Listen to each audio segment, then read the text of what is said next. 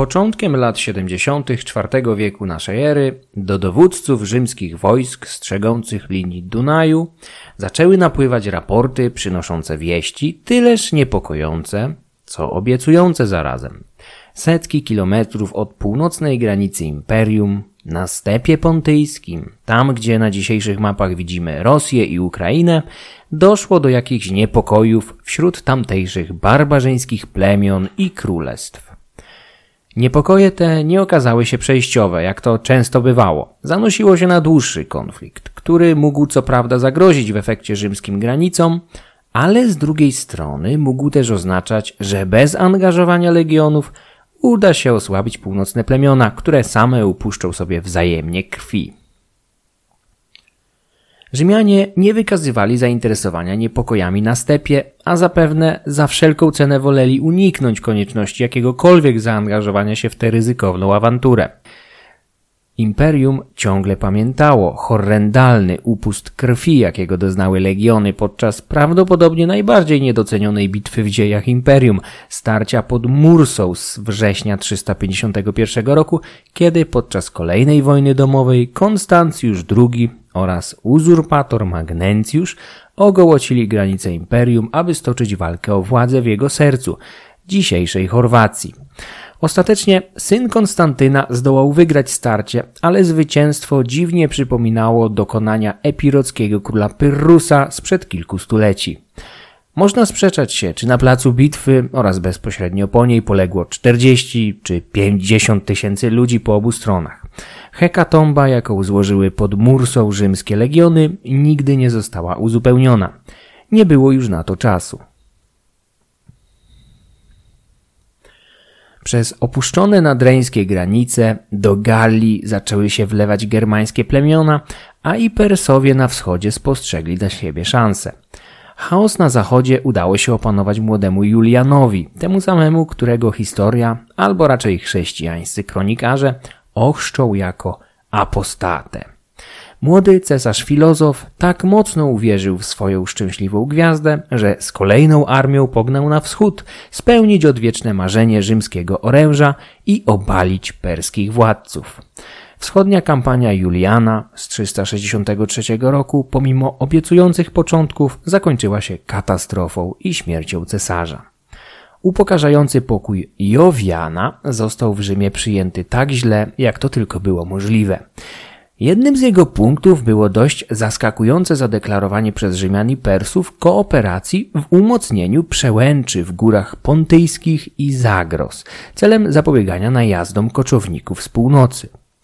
Już wtedy na północnym wschodzie rodził się jakiś tumult, ale Rzymianie po klęskach ostatnich lat musieli skupić się na polityce wewnętrznej i unikaniu krwawych wojen domowych oraz zagranicznych eskapad. Dlatego też nie reagowali na wieści dochodzące z nad Dunaju początkiem lat 70. I dobrze, bo i tak nic dobrego by nie zrobili. W drugiej połowie IV wieku naszej ery na zachodnich rubieżach stepu pontyjskiego pojawili się koczownicy ze wschodu. Kolejni z długiej listy, nie pierwsi i nie ostatni. W europejskiej historiografii zostaną zapamiętani jako Hunowie, zaś najsłynniejszym ich przedstawicielem będzie Attila, znany jako Bicz Boży. Pochodzenie Hunów było przedmiotem sporów, dociekań i legend już w starożytności. Nawet współcześni im pisarze z kręgu kultury śródziemnomorskiej nie byli w stanie powiedzieć wiele sensownego o tym, skąd przybyli. Pierwszy raz o ludzie o tej nazwie wspominał już grecki geograf Klaudiusz Ptolemeusz w II wieku naszej ery. Jego wzmianka jest jednak bardzo skromna i nie zawiera nic poza informacją o ludzie Huni, zamieszkującym odległą Sarmację. Ammian Marcelin, który pozostawił nam bardzo barwny opis tych tajemniczych ludzi, sam przyznawał, że nie jest w stanie powiedzieć nic pewnego o ich pochodzeniu i najprawdopodobniej przybyli gdzieś ze wschodu bądź północy Meotydy, czyli Morza Azowskiego. Wtórował mu grecki historyk Zosimus, przyznając, że należy ich wywodzić z Azji, skąd przybyli do Europy. Literacką odpowiedź na pytanie o pochodzenie Hunów odnalazł grecki pisarz Eunapiusz, tworząc legendę o Hunach, Gotach i zaginionej krowie. Według klasyka Hunowie mieli mieszkać na wschód od Meotydy, w dzisiejszym kraju krasnodarskim, na wschód od Krymu. Mieli tam żyć spokojnie, nie wiedząc nic o otaczającym ich świecie, aż do momentu, gdy jeden z nich zgubił swoją krowę. Zwierzę, ukłute przez jakiegoś kąśliwego owada, miało uciec do cieśniny kerczeńskiej, a po jej przepłynięciu znaleźć się na półwyspie krymskim. Jeden z Hunów miał pognać za jałówką, a następnie wkroczyć do nieznanej sobie żyznej krainy, w której on i jego ziomkowie spotkali Gotów. W innej wersji tej historii Hunowie są myśliwymi ścigającymi sarnę tak zawzięcie, że w pewnym momencie orientują się, że są na nieznanej im ziemi zamieszkanej przez obce im plemię. Oczywiście obie te wersje są baśniami stworzonymi na skutek recyklingu dawnej opowieści o jałówce Io, kochance Zeusa, zamienionej przez boga gromów w krowę dla ukrycia jej przed zazdrosną Herą. Niewierny Zeus nie docenił jednak przebiegłości swojej małżonki. Ta odkryła tożsamość Io i wysłała za nią złośliwego Gza, który kąsił ją bezustannie. Oszalała z bólu jałówka, uciekła przed owadem przez cieśninę Bosfor, a następnie pognała aż do Egiptu. Klasyczna legenda przekazana potomności przez Aeschylosa w V wieku przed naszą erą stała się niemal tysiąc lat później źródłem legendy o pochodzeniu Hunów. Czytając starożytne teksty źródłowe, musimy mieć na uwadze to, że nawet jeżeli była to literatura uważana wówczas za naukową, to w żadnym wypadku nie spełniała ona reguł tworzenia prac naukowych, jakie uznajemy w XXI wieku. Właściwie to w starożytności nie istniała literatura naukowa w naszym tego słowa znaczeniu. Białe plamy zamalowywano legendarnymi krainami, w dobrym tonie było tworzenie aluzji do klasyków, Homera, Tacyta, Tukidydesa. Słowem, preparowano bajki i nikt nie uważał tego za wadę. Najzabawniejszą historię pochodzenia Hunów przekazuje nam jednak Jordanes w swojej Getice, historii Gotów. Jego zdaniem Goci podczas swojej wędrówki ze Skandzy na północy Europy w kierunku Morza Czarnego zorientowali się, że są wśród nich czarownice, albo po prostu kobiety zaznajomione z tajemniczymi zaklęciami, runami. Król Filimer postanowił czym prędzej wygnać je precz. Niestety nie przewidział, jak wiele nieszczęść spadnie na jego lud z ich powodu. Czarownice owe miały połączyć się z nieczystymi duchami spotkanymi w stepach, a efektem ich współżycia miały być potworne dzieci Hunowie.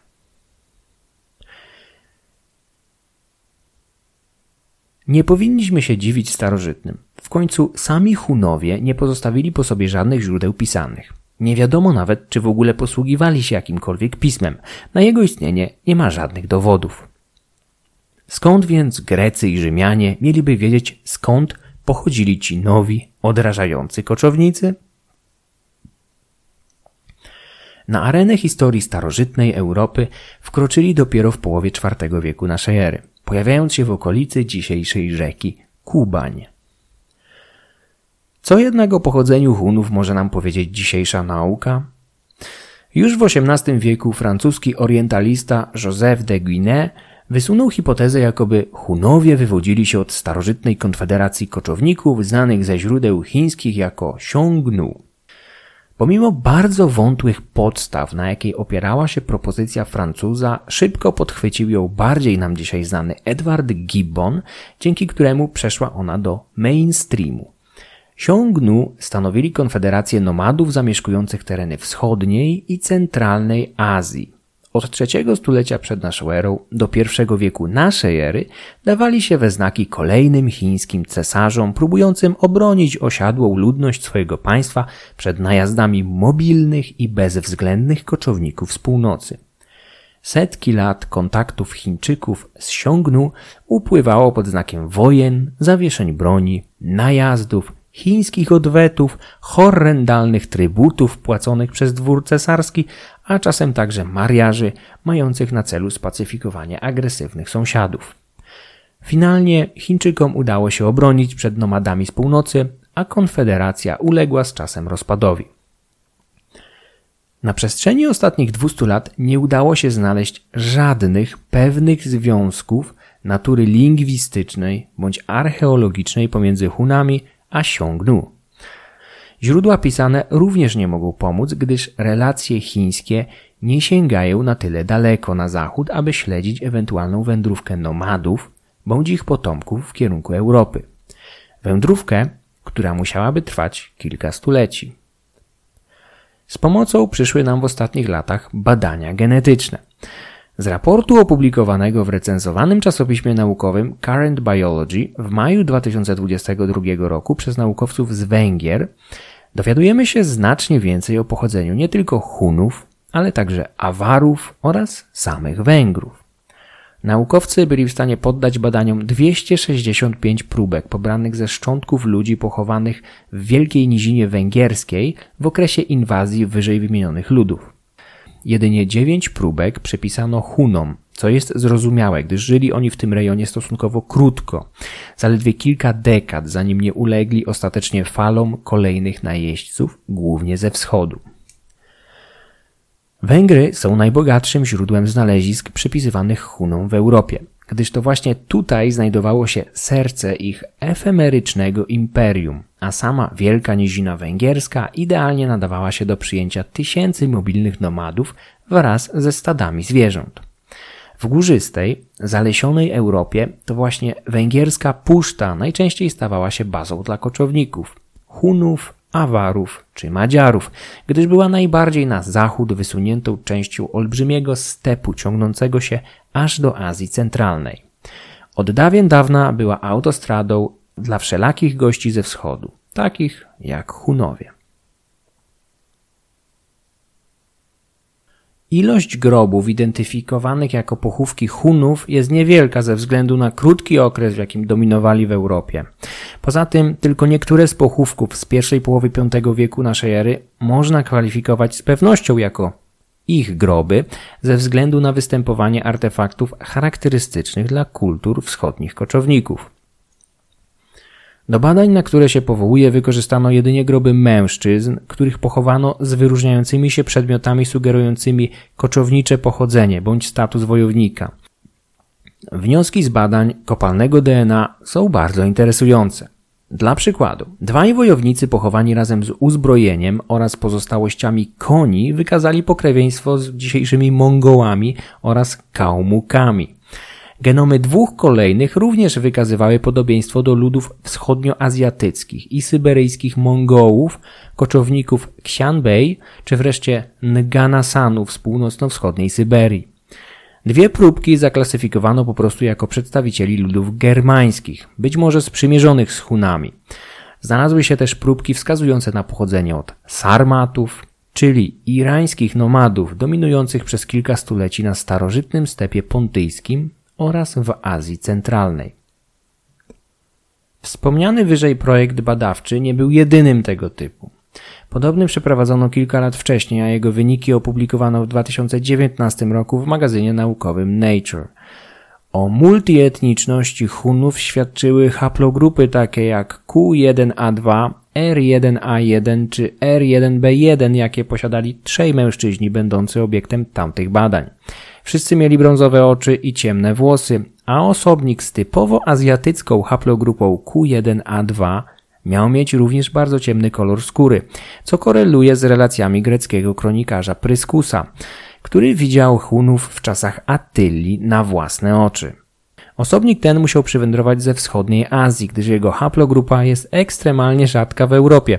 Obecnie występuje niemal wyłącznie na terenie Siedmiogrodu wśród społeczności szeklerów.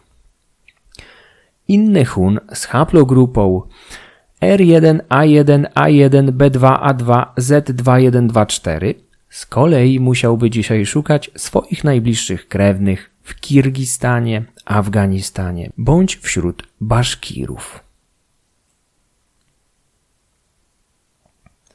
Większość badań prowadzonych w ostatnich latach wykazała genetyczne związki z ludami dzisiejszej Eurazji od Europy Środkowej aż po Chiny i Mongolię. W grobach wojowników pochowanych na Wielkiej Nizinie Węgierskiej w okresie dominacji Hunów, czyli w pierwszej połowie V wieku naszej ery, widzimy pryzmat całej ich burzliwej historii. Nie jest to jednak historia wyjątkowa, gdyż późniejsi Awarowie dali nie mniej różnorodne wyniki, jednocześnie potwierdzając teorię o ich częściowym pokrewieństwie z Hunami. Ludy koczownicze cechowały się dużą mobilnością wymuszoną ich sposobem życia oraz gospodarowaniem. Wbrew pozorom, społeczeństwa takie wcale nie były w zupełności samowystarczalne i bardzo często zmuszone były do nawiązywania kontaktów z sąsiadami, zwłaszcza ludami osiadłymi, od których zdobywały drogą handlu bądź rabunku brakujące im towary. Od prozaicznych lnianych koszul, przez narzędzia z metalu, aż po wyroby luksusowe. Te ostatnie, jak zanotują rzymscy kronikarze, będą się cieszyły szczególnym wzięciem u Hunów. Gospodarka koczowników, oparta przede wszystkim na pasterstwie i myślistwie, wymagała dużych obszarów niezbędnych do wypasu stad kus, owiec, bydła, koni oraz polowań. W przeciwieństwie do ludów osiadłych, koczownicy potrzebowali nieporównywalnie większej przestrzeni do wyżywienia dość niewielkiej populacji, będącej często w ruchu uwarunkowanym najczęściej przepędzaniem stad na letnie bądź zimowe pastwiska. Duże znaczenie na mobilność nomadów wywierały także zmiany klimatu oraz walki z sąsiednimi plemionami. W razie przegranej niejednokrotnie musieli reiterować i przemieszczać się w kierunku słabszych plemion, których ziemię mogli zagarnąć. Podobny efekt domina zobaczymy w drugiej połowie IV wieku naszej ery we wschodniej Europie, gdzie kolejne ludy będą rzucać się do ucieczki przed nadciągającymi Hunami oraz ich sojusznikami. W tym miejscu należy wspomnieć o sojusznikach, gdyż chyba nigdy w dziejach nie powstała na tyle jednolita konfederacja koczowników, która byłaby w stanie zachować etniczną czystość. Nie inaczej było zarówno z Siągnu czy z Hunami, którzy byli potomkami tych pierwszych, ale nie tylko. Koczownicy przemieszczający się przez step zagarniali do swojej puli genetycznej członków spotykanych społeczności, jednych w formie niewolników, innych jako sojuszników. Zarówno w przypadku Hunów, jak i wcześniejszych Ksiągnu, genetyka potwierdza przypuszczenia i hipotezy naukowców pracujących niegdyś bez tak zaawansowanych narzędzi. Jeszcze radzieccy i chińscy archeologowie badający kurhany i cmentarzyska Xiongnu zwrócili uwagę na antropologiczne różnice czaszek pochowanych, wskazujące wyraźne różnice etniczne. Już kilka dekad temu zauważono także, że najbogatsze pochówki Xiongnu towarzyszą osobom o cechach mongoloidalnych, podczas gdy zmarli noszący cechy ludów pochodzących z centralnej Eurazji chowani byli skromniej. Hunowie nie musieli i zapewne nie byli w prostej linii przedłużeniem politycznej konfederacji Xiongnu. Byli jednak potomkami części jej członków. Tych, którzy z jakichś powodów, zapewne w pierwszych stuleciach pierwszego tysiąclecia naszej ery, ruszyli na zachód.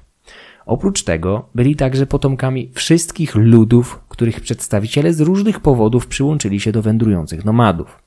Nie należy też patrzeć na historię Hunów jako prostą wędrówkę z punktu A leżącego gdzieś w Mongolii czy Kazachstanie bądź Kirgistanie, aż do punktu B na nizinie węgierskiej. Wszystko było znacznie bardziej skomplikowane.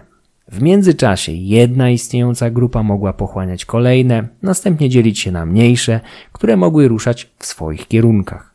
Najsilniejsze plemię bądź plemiona zgrupowane w większą konfederację szły przed siebie stosując efekt kuli śnieżnej, który doskonale zaobserwujemy na przykładzie trwającego z grubsza 100 lat europejskiego etapu wielkiej epopei Hunów. Nie należy także wyobrażać sobie tych koczowników tylko i wyłącznie pod postacią Mongołów. Wiele wskazuje, że elita czasów chociażby Attylii mogła mieć więcej wspólnego z ludami tureckimi zamieszkującymi centralną Azję. Wskazują na to przede wszystkim lingwiści na podstawie analizy etymologicznej zachowanych do naszych czasów chuńskich imion. Badanie pochodzenia imion Hunów jest zajęciem niewdzięcznym i w wielu wypadkach beznadziejnym. Wiele z nich znamy z zapisów greckich lub rzymskich kronikarzy, którzy poznawali je najczęściej z drugiej ręki, od Germanów, a szczególnie Gotów. Ci sami mogli zniekształcać obco brzmiące egzotyczne imiona, przez to wiele z nich nie zostało zanotowanych z wykorzystaniem poprawnej transkrypcji fonetycznej. W efekcie pierwszym Hunem, jakiego poznajemy na początku V wieku jest niejaki Donat. Nie wiadomo, czy Donat był jakimś ważnym hanem panującym nad kilkoma plemionami koczowników na stepie pontyjskim bądź w Panonii, czy też rzymskim renegatem, który przyłączył się do koczowników. Takie przypadki wbrew pozorom zdarzały się, chociaż rzadko. Jego imię jest bowiem łacińskie, za co winę ponosi znający łacinę grecki kronikarz Olimpiodor, który posłował do chuńskiego Hana w 412 roku. A być może niezrozumiałe dla siebie imię barbarzyńcy dopasował do najbliższego znanego mu imienia z jego kręgu kulturowego. Padło na Donata, imię zrozumiałe zarówno dla Greków, jak i Rzymian. Nigdy nie dowiemy się, jak naprawdę miał na imię Donat, zaś zgadywanie jest pozbawione jakiegokolwiek sensu. Wiemy jedynie, że zginął skrytobójczo zamordowany przez członków tej samej rzymskiej delegacji dyplomatycznej. Najwyraźniej musiał mocno zajść za skórę Rzymianom. Kilka dekad po Donacie grecki kronikarz Pryskus z Panonii uda się w podróż na dwór samego Attyli, którego pozna osobiście. Relacja Pryskusa niejednokrotnie pojawi się w mojej opowieści o Hunach. Grek na dworze Attyli poznał wysoko postawionego Huna zasiadającego po prawicy Hana, którego nazwał Onegezjuszem. Imię jest greckie, a Pryskus zastosował tutaj podobną taktykę jak Olimpiodor. Nikt nie wie, jak naprawdę nazywał się Onegezjusz. Może Onegasz, może Hunigis. Samo imię Attyli może być pochodzenia germańskiego, mogło wziąć się od gockiego Atta, oznaczającego ojca, co stawia wiele pytań o pochodzenie władcy. Inna teoria łączy jednak to imię z językami z grupy autajskiej bądź tureckiej, szczególnie, że jego ojciec, Mundżuk, oraz synowie, Ellak, Ernak, Dengizik, noszą imiona klasyfikowane najczęściej jako tureckie.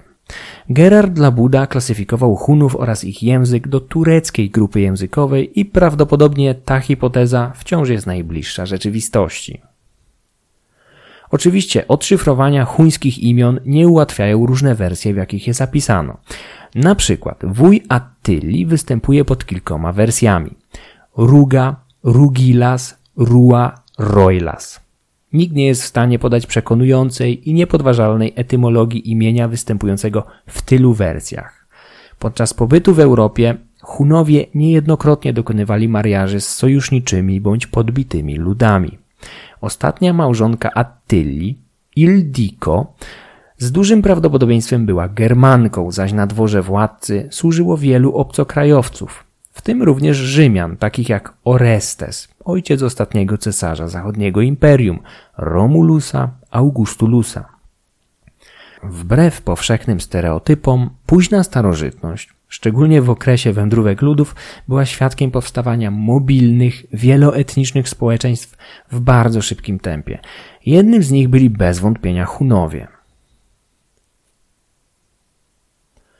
Pierwszą ofiarą nadciągających ze wschodu Hunów, o jakiej mówią rzymskie źródła pisane, a dokładniej Ammian, byli Alanowie, mieszkający wówczas pomiędzy Wołgą, Donem a Morzem Azowskim. Irański lud spokrewniony z Sarmatami był w pewnym sensie podobny także i do Hunów, przynajmniej w zwyczajach oraz multietniczności. Ammian pisał o Alanach, że w wyniku kolejnych zwycięstw Złamali oni stopniowo opór ludów, z którymi się potykali i objęli ich swą nazwą plemienną. Ludy te, chociaż daleko od siebie zamieszkałe i wędrujące po rozległych obszarach, wszystkie nazywano halanami z powodu podobieństwa obyczajów, barbarzyńskiego trybu życia i rodzaju używanej broni. W zasadzie podobny tekst można by bez większych zmian zastosować do Hunów, którzy wkrótce mieli stać się zwycięzcami i panami Alanów. Nad Alanami warto zatrzymać się przez moment z innego jeszcze powodu, który zainteresował także rzymskiego historyka. Zdaniem Marcellina, Alanowie nie znali niewolnictwa, co było dla niego rzeczą tak niesłychaną i niespotykaną w ówczesnym świecie, że zdecydował się podzielić tą ciekawostką ze swoimi czytelnikami. Alanowie mieli walczyć dzielnie, ale najeźdźcy zdołali po ciężkich bojach pokonać ich w czymś, co musiało być walką na wyczerpanie. Cały lud dostał się pod zwierzchnictwo Hunów, razem z którymi miał od tej pory ruszać do walki.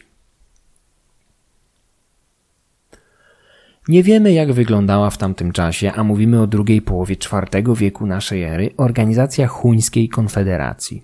Z pewnością nie stanowili oni jednolitej organizacji politycznej dowodzonej przez jednego człowieka. Pierwszym i ostatnim zarazem jedynowładcą Hunów był dopiero Attyla, który przejął pełnię władzy po tajemniczej śmierci swojego brata w 445 roku. Dominuje pogląd, że podczas wojen z Alanami i Gotami Hunowie ciągle byli luźną konfederacją skupiającą kilkanaście bądź kilkadziesiąt plemion, nie znających silnej władzy centralnej ani królów, o czym w latach 90. IV wieku pisał Amian. Plemiona te jednoczyły się podczas wojen, wybierając wodza lub wodzów naczelnych, najprawdopodobniej kierując się nie jego urodzeniem czy bogactwem, lecz charyzmą i osiągnięciami na placu boju. Nic nie wskazuje, aby wśród Hunów istniały wówczas duże dysproporcje majątkowe czy silna stratyfikacja. Te miały wykształcić się dopiero za kilkadziesiąt lat.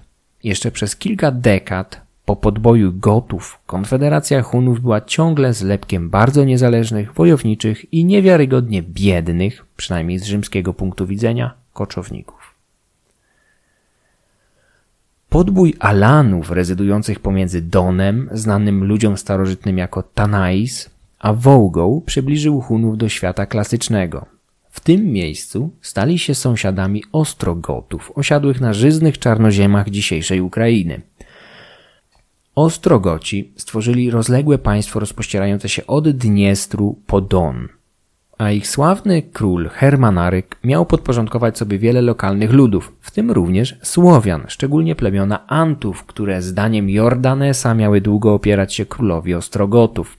Podobnie jak w przypadku nadciągających ze wschodu Hunów, państwo ostrogockie było konglomeratem wielu ludów. Żyli w nim Goci, Sarmaci, Dakowie, Słowianie.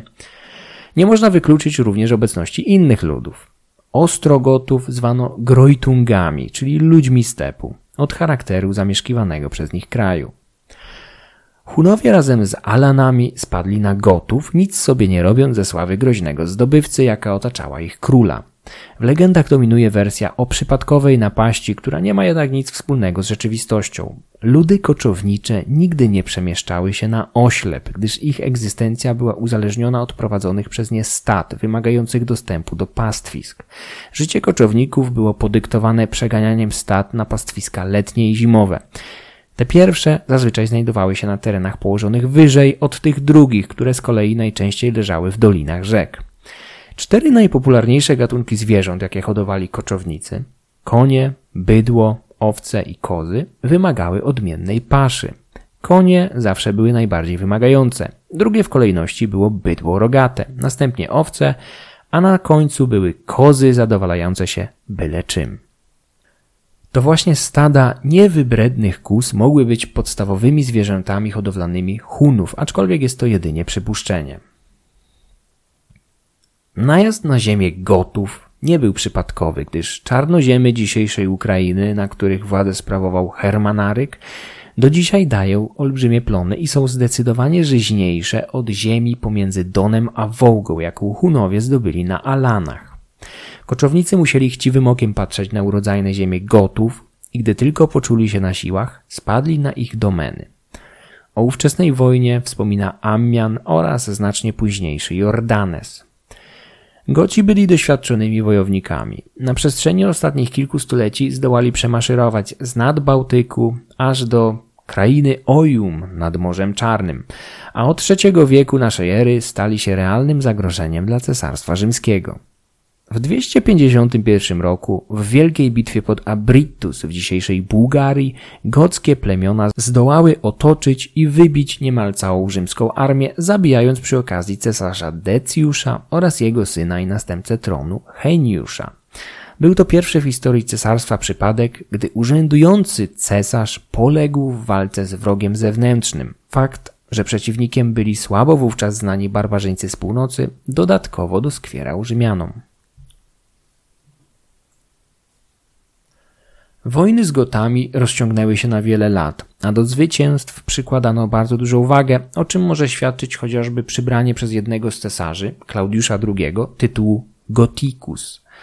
W latach 70. IV wieku Goci byli istotną siłą militarną i polityczną, stąd klęska, jaką ponieśli z ręki Hunów, musiała być zaskakująca nawet dla Rzymian. W źródłach pisanych dowiadujemy się, że walki trwały lata i pomimo dzielnej obrony na poddanych Hermanaryka spadały same klęski. Sam władca miał według jednej wersji odnieść poważną ranę w wyniku zamachu zbuntowanych arystokratów z jednego z podległych mu plemion, mszczących się za krzywdy wyrządzone kobiecie z ich rodziny. Hermanaryk, widząc, że jedno z plemion przechyla się na stronę Hunów, nakazał pojmać Sunildę, małżonkę jego wiarołomnego wodza, przywiązać jej członki do koni, a następnie rozerwać ją na strzępy. W germańskim kręgu kulturowym taka zbrodnia wymagała zemsty, szczególnie jeżeli została wyrządzona kobiecie z wysokiego rodu. Hermanaryk miał przeżyć zamach, ale okaleczony i bezsilny umarł jakiś czas potem. Jest to pierwsza wersja. Druga wydaje się jeszcze ciekawsza ze względu na potencjalnie ukryte znaczenie, jakie ze sobą niesie. Według tej drugiej historii Hermanaryk, widząc klęski spadające na swój lud, miał dobrowolnie popełnić samobójstwo i przekazać tym samym władzę młodszemu następcy. W drugiej historii prawdopodobnie mamy do czynienia z zawoalowaną rytualną ofiarą złożoną z władcy. Germanie, jak wiele innych dawnych ludów, wierzyli w szczególną moc władców, którzy byli w pewien sposób odpowiedzialni za pomyślność swoich poddanych. Jeżeli na kraj spadała seria nieszczęść pod postacią suszy, zarazy czy wrogiego najazdu, skuteczność władcy mogła zostać poddana w wątpliwość. Zapewne z taką sytuacją mieliśmy do czynienia w przypadku Hermana Ryka, który dobrowolnie poświęcił swoje życie, aby zapewnić lepszą przyszłość poddanym. Z podobnymi historiami spotykamy się w Skandynawii, gdzie legendarny szwedzki król Domaldi miał zostać około VI wieku naszej ery złożony w ofierze bogom, aby odegnać nieurodzaj. W bardziej historycznych czasach podobna sytuacja miała miejsce w 1095 roku w Danii, gdzie, zdaniem saksogrammatykach, chrześcijański już król Olaf I miał poświęcić swoje życie, aby zdjąć z królestwa klęskę głodu. Podobnie jak w historii Hermana Ryka, śmierć Olafa jest wyjątkowo tajemnicza. Możliwe jednak, że miała podobny charakter.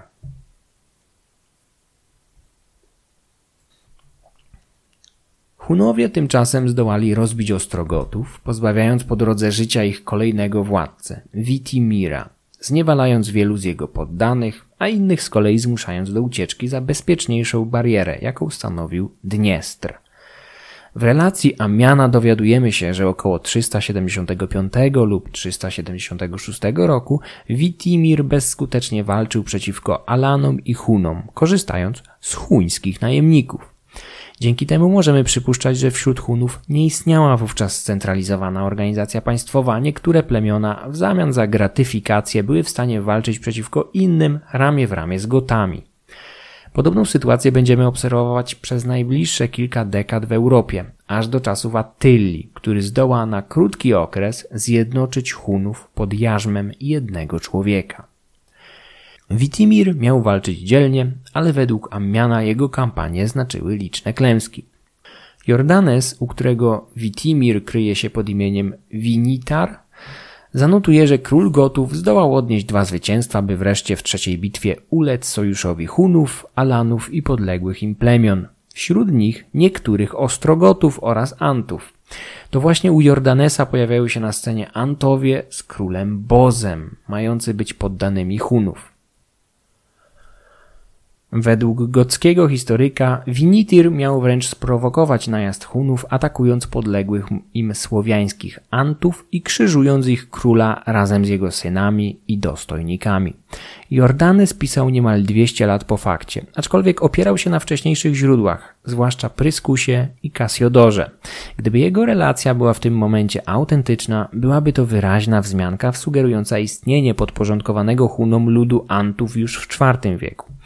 Jest bardzo prawdopodobne, że niektórzy Antowie już na przełomie IV i V wieku mogli przenikać razem z Hunami na zachód, chociaż nie zrobili tam większej kariery.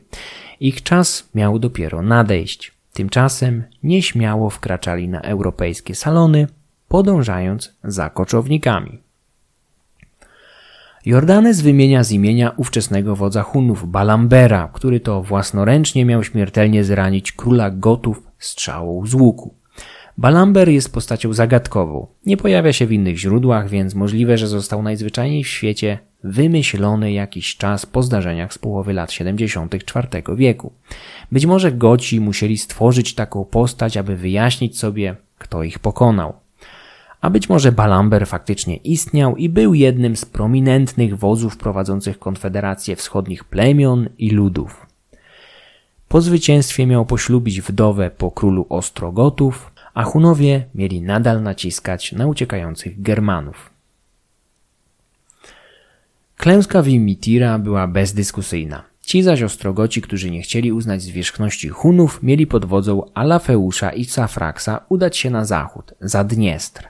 Tutaj Ostrogoci mogli liczyć na wsparcie swoich zachodnich krewniaków, Terwingów, czyli ludzi lasu, bardziej znanych jako Wizygoci. Terwingowie musieli prędko zrozumieć, że jeżeli Hunowie zdołali tak szybko obalić potężne państwo Hermanaryka, to ich domeny wkrótce również będą zagrożone.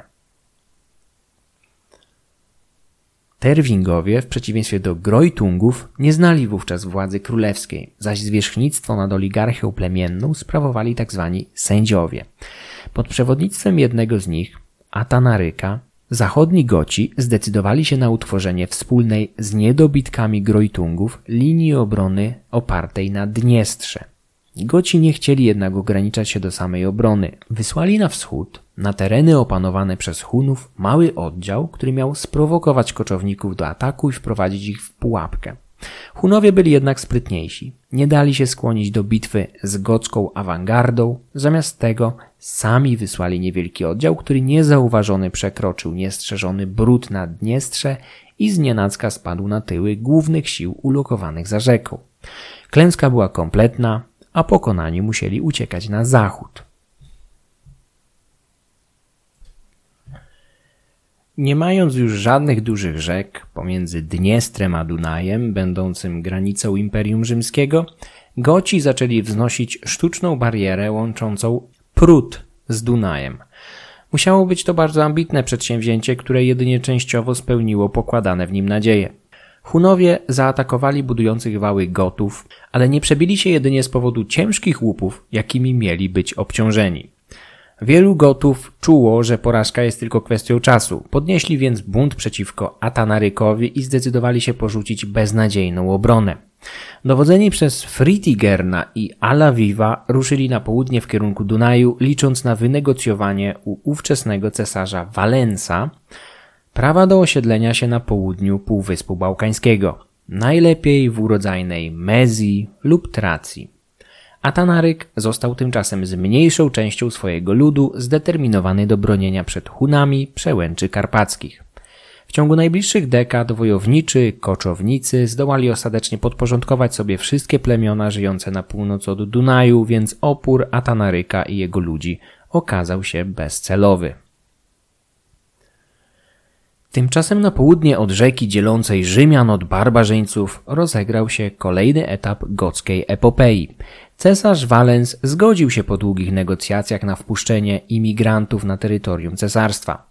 Zapewne liczył na wzmocnienie lokalnych sił zbrojnych walecznymi Gotami, którzy zgodnie z umową, w zamian za ziemię i schronienie, mieli wspomóc obronę granic przed najazdami z północy.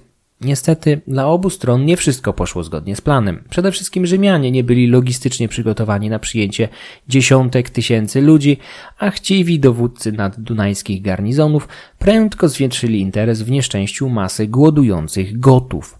W zamian za dostawy prowiantu zmuszano gotów do sprzedaży ich dobytku, a w końcu także i dzieci w niewolę. Ammian podaje, że w pewnym momencie Rzymianie sprzedawali głodującym psy w zamian za ich dzieci. Tak czy inaczej taki układ nie trwał długo. Goci w końcu chwycili za broń i bardzo szybko rozbili oddziały lokalnej milicji i wojska, bardzo nieliczne, gdyż lwia część armii była wówczas razem z Walencem na wschodniej granicy, gdzie toczono walki z Persami. Po uzgodnieniu zawieszenia broni z perskim królem, cesarz ruszył na zachód, gdzie w 378 roku wydał bitwę Gotom, rabującym od dwóch lat Bałkany. Starcie skończyło się dla Rzymian kompletną katastrofą, unicestwieniem dużej części wschodniej armii oraz niewyjaśnioną śmiercią cesarza, który mógł polec na placu boju albo spłonąć żywcem w jednej z willi, do których zbiegł tuż po bitwie, a którą mieli podpalić zwycięzcy. Podobnie jak Decjusz pod Abritus, tak Valens pod Adrianopolem znalazł kres w walce z barbarzyńcami z północy. Bitwa ta niejednokrotnie była przyrównywana w rzymskiej historiografii do klęski pod Kannami. Zapoczątkowała także okres niewiarygodnego chaosu. Najpierw na Bałkanach, a następnie w zachodniej części imperium, gdzie udało się w końcu przegonić problematycznych Gotów. Imperium już nigdy nie zdołało ich ani do końca spacyfikować, ani bezboleśnie inkorporować. Raz z nimi walczono, by innymi razy wchodzić w sojusze, aż w końcu Wizygoci sami sobie wykroili część Galii, a później także Półwyspu Iberyjskiego na własne państwo.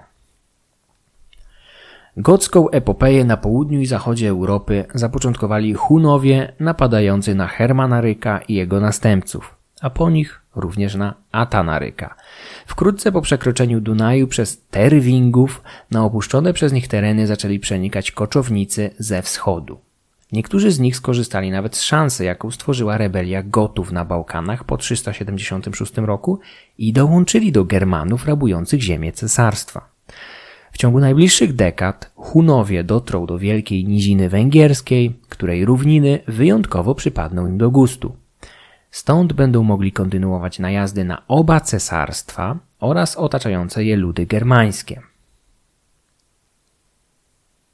W tym miejscu, po wysłuchaniu tej litanii imion wodzów, nazw plemion i miejsc bitew, pogłębiających chaos rodzący się na terenie cesarstwa, warto zatrzymać się na moment i zadać jedno bardzo ważne pytanie.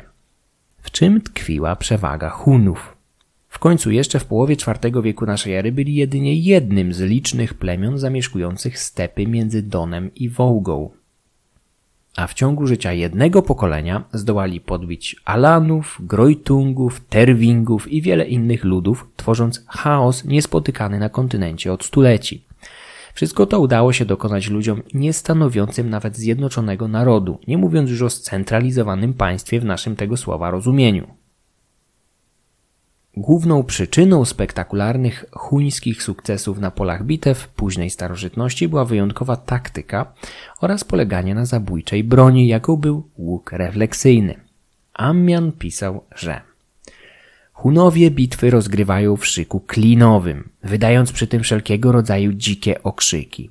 Podobnie jak z uwagi na prędkość działania są lekko wyposażeni i pojawiają się znienacka, tak też umieją nagle i umyślnie się rozpraszać w luźne gromady, a potem z jeszcze większą siłą uderzać w nieuporządkowanym szyku i w różnych miejscach, dokonując ogromnej rzezi. Na odległość bowiem walczą, rażąc strzałami, które zamiast spiczastego bełtu mają ostro zakończone kości a w walce wręcz posługują się mieczem i nie troszczą zupełnie o własne życie. Gdy tylko zauważą, że ostrza mieczy wroga powodują wśród nich straty, wówczas zarzucają na niego mocno skrępowane powrozy, także skrępowawszy członki stawiających opór, uniemożliwiają im jazdę konną, czy też poruszanie się pieszo. W podobnym tonie wyrażał się o Hunach grecki pisarz Zosimos. Nie mogli jednak, bo też zupełnie nie potrafili, rozpocząć walki wręcz. Jeździli dookoła, robili wypady i w odpowiednim momencie wycofywali się, strzelając z łuku, z koni i powodując wielką rzeź. Ammian pisał o Hunach w latach 94 wieku, gdy już na dobre zadomowili się na peryferiach imperium. Pozostali kronikarze dodali swoje trzy grosze później. Wszyscy jednak podkreślali, że Hunowie byli urodzonymi kawalerzystami. Zdaniem niektórych byli wręcz przyrośnięci do swoich małych, brzydkich, lecz bardzo wytrzymałych koni, niczym centaury. Z siodła prowadzili wszystkie rozmowy, także negocjacje z Rzymianami. W siodle jedli, pili, załatwiali swoje potrzeby fizjologiczne, zmieniając na moment pozycję na tę bardziej charakterystyczną dla kobiet. Ammian uważał wręcz, że chcąc spać, kładli się na grzbietach swoich wierzchowców i obejmowali ramionami ich karki, co wydaje się już grubą przesadą. Kronikarz zapewne nigdy nie widział Huna na własne oczy, ale posługiwał się relacjami naocznych świadków. W zdecydowanej większości jego przekazy wyglądają na wiarygodne. Jest jedynie kilka fragmentów, które on i jemu współcześni Rzymianie musieli źle zinterpretować. Hunowie, jak wiele innych ludów koczowniczych, mieli w zwyczaju na dłuższe wyprawy zabierać ze sobą kawałki suszonego mięsa, które wozili przytroczone do siodeł. Rzymianie bądź Goci, którzy spostrzegli ten zwyczaj, myśleli z początku, że mięso to jest surowe, a jeźdźcy wkładają je pod siodło, aby ciepło końskiego ciała nieznacznie je podgrzało, co oczywiście jest absurdem. Starożytni kronikarze łączą się w drwinie z nieporadności Hunów, jaka dotykała ich, gdy tylko opuszczali siodła swych wierzchowców. Mieli oni mieć krzywe, pokraczne nogi, niezdatne do maszerowania. Samo zaś chodzenie pieszo uważali za uwłaczające ich godności. Wszędzie starali się jeździć. Opowieści o tym, jakoby Hunowie mieli po zejściu z koni zataczać się jak niepełnosprawni, należy naturalnie włożyć między bajki, ale bez wątpienia, bez swoich wierzchowców tracili znaczenie jako siła militarna. Ci urodzeni kawalerzyści używali ciężkich siodeł z drewna, dających im oparcie do strzału, ale nie mamy żadnych dowodów na wykorzystanie przez nich strzemion. Te miały się pojawić w Europie dopiero dwa wieki później, z awarami. O sukcesach Hunów decydowały wyśmienite umiejętności jeździeckie, odwaga, wytrzymałość na trudy, kooperacja w małych oddziałach oraz Wunderwaffe późnej starożytności, ulepszona wersja łuku refleksyjnego. Konni wojownicy nie byli w Europie nowością. W końcu już tysiąc lat wcześniej ze wschodu nadciągnęli najpierw Kimmerowie, a potem Scytowie. Jedni i drudzy znani byli z mistrzostwa we władaniu końmi oraz bronią dystansową. Łuki refleksyjne również nie były wynalazkiem Hunów. Co zadecydowało o skuteczności tych ostatnich? Przede wszystkim, jak zauważa Peter Hatter, łuki scytów miały około 80 cm długości, podczas gdy te nieliczne znajdowane w grobowcach z okresu dominacji Hunów miały od 130 do 160 cm długości. Długość łuku przekłada się na jego zasięg i siłę rażenia, ale kawalerzyście trudno posługiwać się równie długim łukiem co piechurowi, stąd łuki scytów miały mniej niż metr. Podobnie wyglądała sytuacja z późniejszymi ludami stepowymi. Zbyt długi łuk uderzałby bowiem w szyję konia. Mógłby też zaplątać się w uprzęży. W jaki sposób Hunowie zdołali używać skutecznie tak długich łuków, będąc jednocześnie na końskim grzbiecie? Przede wszystkim ich łuki nie były symetryczne. Dolna część poniżej uchwytu była krótsza od górnej, dzięki czemu nie uderzała w konia nawet podczas galopu. Łuki refleksyjne Hunów konstruowano ze złożenia elastycznego drewna i siedmiu długich profilowanych płytek kościanych. Trzy miały na celu wzmocnienie środka łuku, a pozostałe cztery jego końców. Ammian pisał także o kościanych grotach, jakich używali w walce koczownicy. Tradycja korzystania z rogu bądź kości wynikała z konieczności poszukiwania zamienników dla rzadko występującego na stepie cennego drewna. Hunowie oswajali się z końmi oraz operowaniem łukami od maleńkości, stąd nie było dla nich problemem operowanie łukiem nawet podczas szaleńczego galopu. Byli w stanie podczas pozorowanego ataku odwrócić się w siodle i oddać strzał do tyłu w kierunku gnającego za nimi przeciwnika. Technikę tę Rzymianie zwali strzałem partyjskim. Partowie z pewnością nie wymyślili jej, ale jako pierwsi zademonstrowali ją Rzymianom, gromiąc ich pod Karę w 53 przed naszą erą. Potężne łuki Hunów pozwalały im ostrzeliwać przeciwnika z bezpiecznej odległości, a dzięki sile rażenia przebijały zbroje ciężkozbrojnej kawalerii sarmatów czy alanów. Aby skutecznie razić lekko zbrojnego przeciwnika, kawalerzysta Hunów musiał zbliżyć się do niego na 150 do 200 metrów, zaś w przypadku ciężko zbrojnych musiał skrócić dystans przynajmniej dwukrotnie. Systematyczny ostrzał wrogich linii, ponawiany podczas wielokrotnych podjazdów i pozorowanych odwrotów, wyczerpywał przeciwnika do momentu, gdy w jego szeregach pojawiały się wyrwy. Wtedy Hunowie zmieniali taktykę i błyskawicznie uderzali w świeżą lukę. W walce wręcz korzystali z długich, kawaleryjskich mieczy o wąskich klingach oraz arkanów, czyli długich pasterskich sznurów z pętlą na końcu, używanych do chwytania zwierząt. Spełniały swoją rolę także w bitwach. Z powodzeniem używali ich jeszcze Tatarzy w XVII wieku. Sporadycznie mogli używać także długich lanc podobnych do tych, jakimi władali Sarmaci. Elity Hunów mogły walczyć w kolczugach, ale większość wojowników stanowiła jazdę lekko zbrojną, stąd nigdy nie atakowali wręcz silnego wroga. A widząc zacięty opór, błyskawicznie wycofywali się na bezpieczną odległość, z której mogli razić przeciwnika strzałami. Łuki spełniały bardzo istotną rolę w społeczności Hunów nie tylko na polu walki. Były również symbolem najwyższej władzy, co potwierdzają wykopaliska.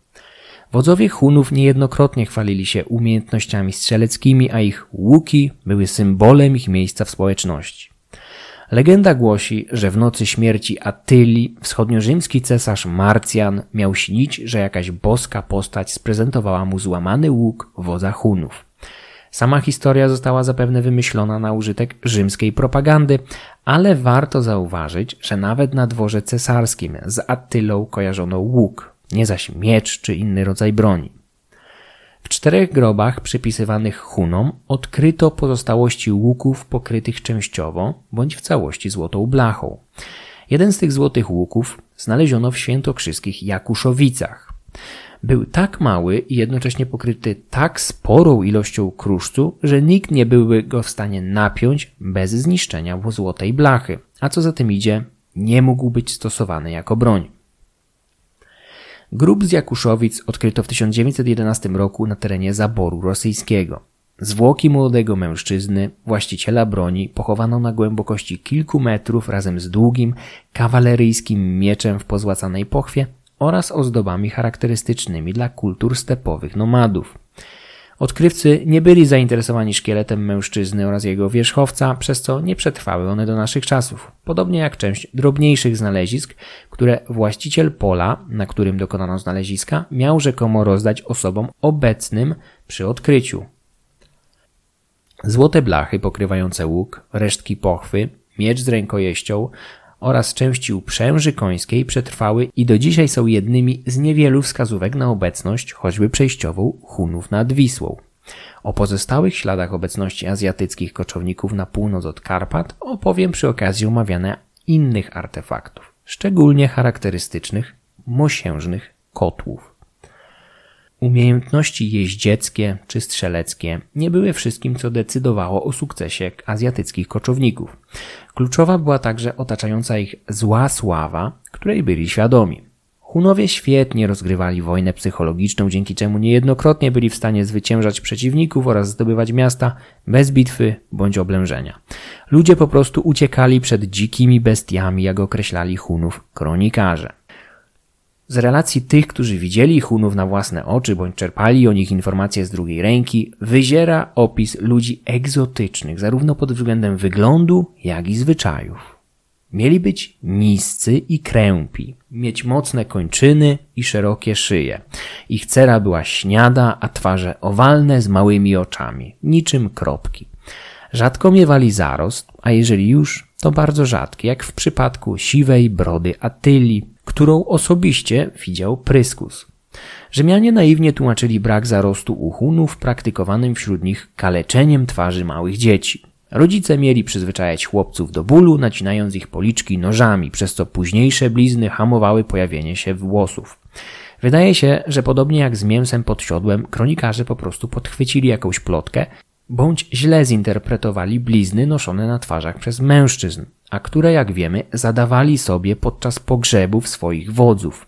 Hunowie mieli w zwyczaju opłakiwać ludzi takich jak Attila nie łzami, lecz krwią. Istnieją późniejsze relacje mówiące, że podczas jego pogrzebu wojownicy okaleczali sobie twarze. Ammian podkreśla, że nie uprawiali ziemi, żyli z myślistwa, pasterstwa i rabunku. Nie mieli stałych siedzib, mieli wręcz unikać budynków, ubierali się w lniane koszule i futra zwierząt. Jako koczownicy nie mogli uprawiać lnu, więc musieli utrzymywać relacje handlowe z osiadłymi społecznościami rolniczymi. Kontrowersje wzbudza znajomość metalurgii wśród Hunów. Z pewnością część broni i narzędzi nabywali u ludów osiadłych, ale trudno wyobrazić sobie, aby byli w stanie dokonać tak rozległej ekspansji militarnej, polegając jedynie na kupionej bądź skradzionej broni.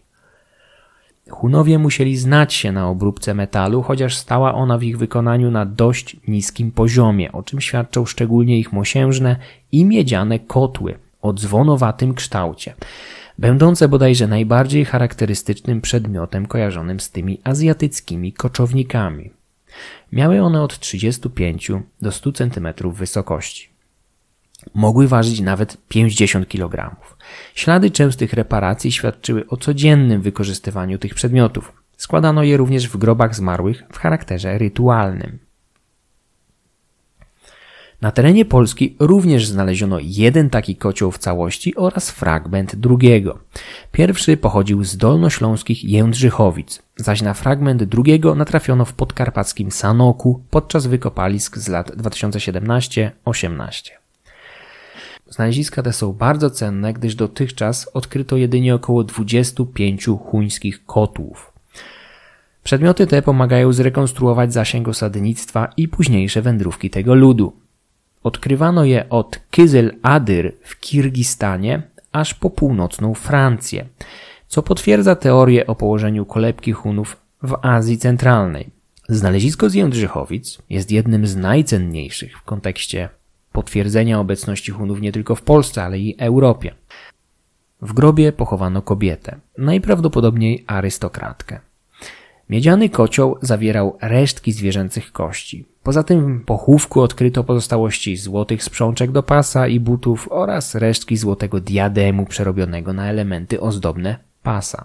Pochodzenie kobiety nie budzi wątpliwości ze względu na charakterystyczną i zarazem celową deformację czaszki.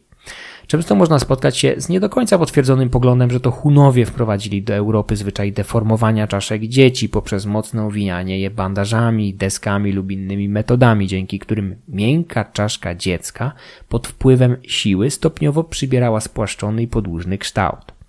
Źródła pisane z epoki nie wspominają o takich praktykach u żadnych ludów, ale mamy około 130 stanowisk, na których odkryto tak zdeformowane ludzkie czaszki, datowane na okres od III do VI wieku naszej ery. Około 80 z nich pochodzi z Kotliny Karpackiej, a 50 z nich przypada na czasy panowania Attylii. Przypadek? Nie sądzę. Zbieżność z zasięgiem terytorialnym oraz czasem dominacji Hunów jest bardzo sugestywna.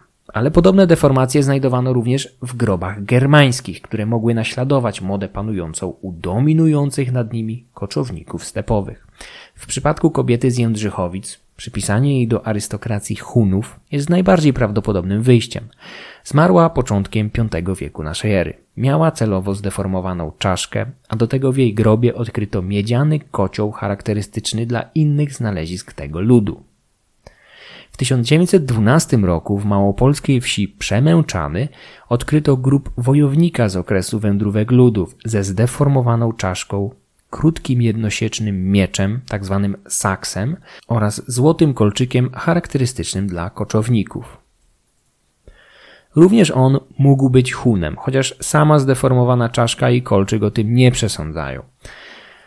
Na obszarze dzisiejszej Polski znajduje się jeszcze kilka stanowisk, gdzie odkryto artefakty związane z Hunami, mogące świadczyć o ich obecności bądź wymianie handlowej z nimi. Takim miejscem jest na przykład Świlcza pod Rzeszowem, gdzie odkryto dwa kolczyki o formie charakterystycznej dla ich kręgu kulturowego, pochodzące z czwartej dekady V wieku naszej ery, a więc z czasów, gdy Attila i Bleda mieli prowadzić kampanie wojenne w szeroko pojętej Germanii i Scytii. Dzięki tym kampaniom władztwo Hunów miało, jak donosił Pryskus, sięgnąć aż do wysp na dalekim oceanie przez który prawdopodobnie rozumiał Bałtyk, chociaż możliwym jest, że była to po prostu figura retoryczna mająca podkreślić wielki zasięg imperium koczowników. Niewiele możemy powiedzieć o pozycji kobiet w społeczności Hunów. Ammian pisał, że żony ich tkają im nędzną odzież, śpią z mężami, rodzą dzieci i karmią je do dojrzałości obrazując w ten sposób typową, szarą egzystencję kobiet nomadów. W późniejszej o kilka dekad relacji Pryskusa poznajemy żony Atylli, Onegezjusza oraz brata Atylli, Bledy. Dostojne arystokratki, które wiodą kompletnie odmienne życie. Mają swoje dwory, rozległe włości, służących, niewolników i cieszą się olbrzymim szacunkiem. W przypadku wdowy po bledzie jest to o tyle charakterystyczne, że prawdopodobnie został on zabity na rozkaz brata, więc fakt, że jego małżonka przetrwała upadek swojego męża, zachowując bardzo wysoką pozycję, musi wskazywać na szacunek, jakim cieszyły się przynajmniej te wysoko postawione kobiety.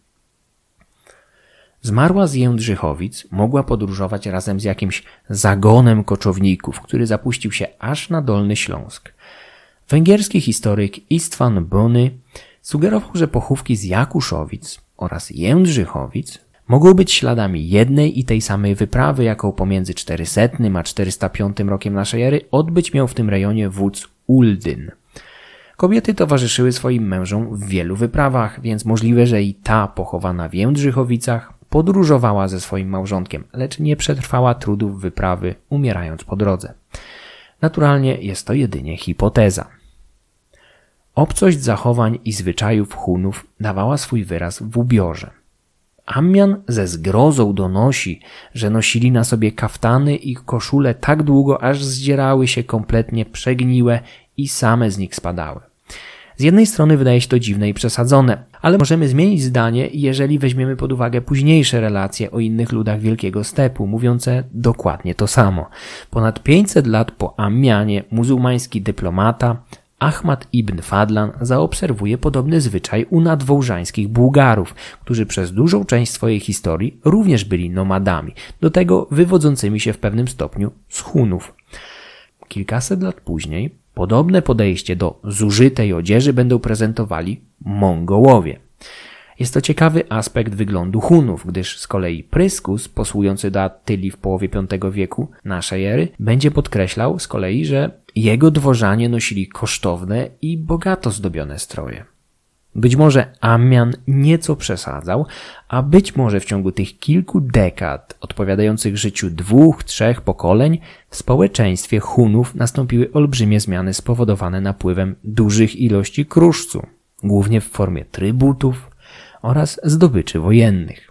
Taka wersja jest bardzo prawdopodobna. Nie możemy patrzeć na Hunów jak na skamieniałe społeczeństwo, które podczas około 80 lat dominacji w Europie Centralnej trwało bez zmian przy starych zwyczajach i tradycjach.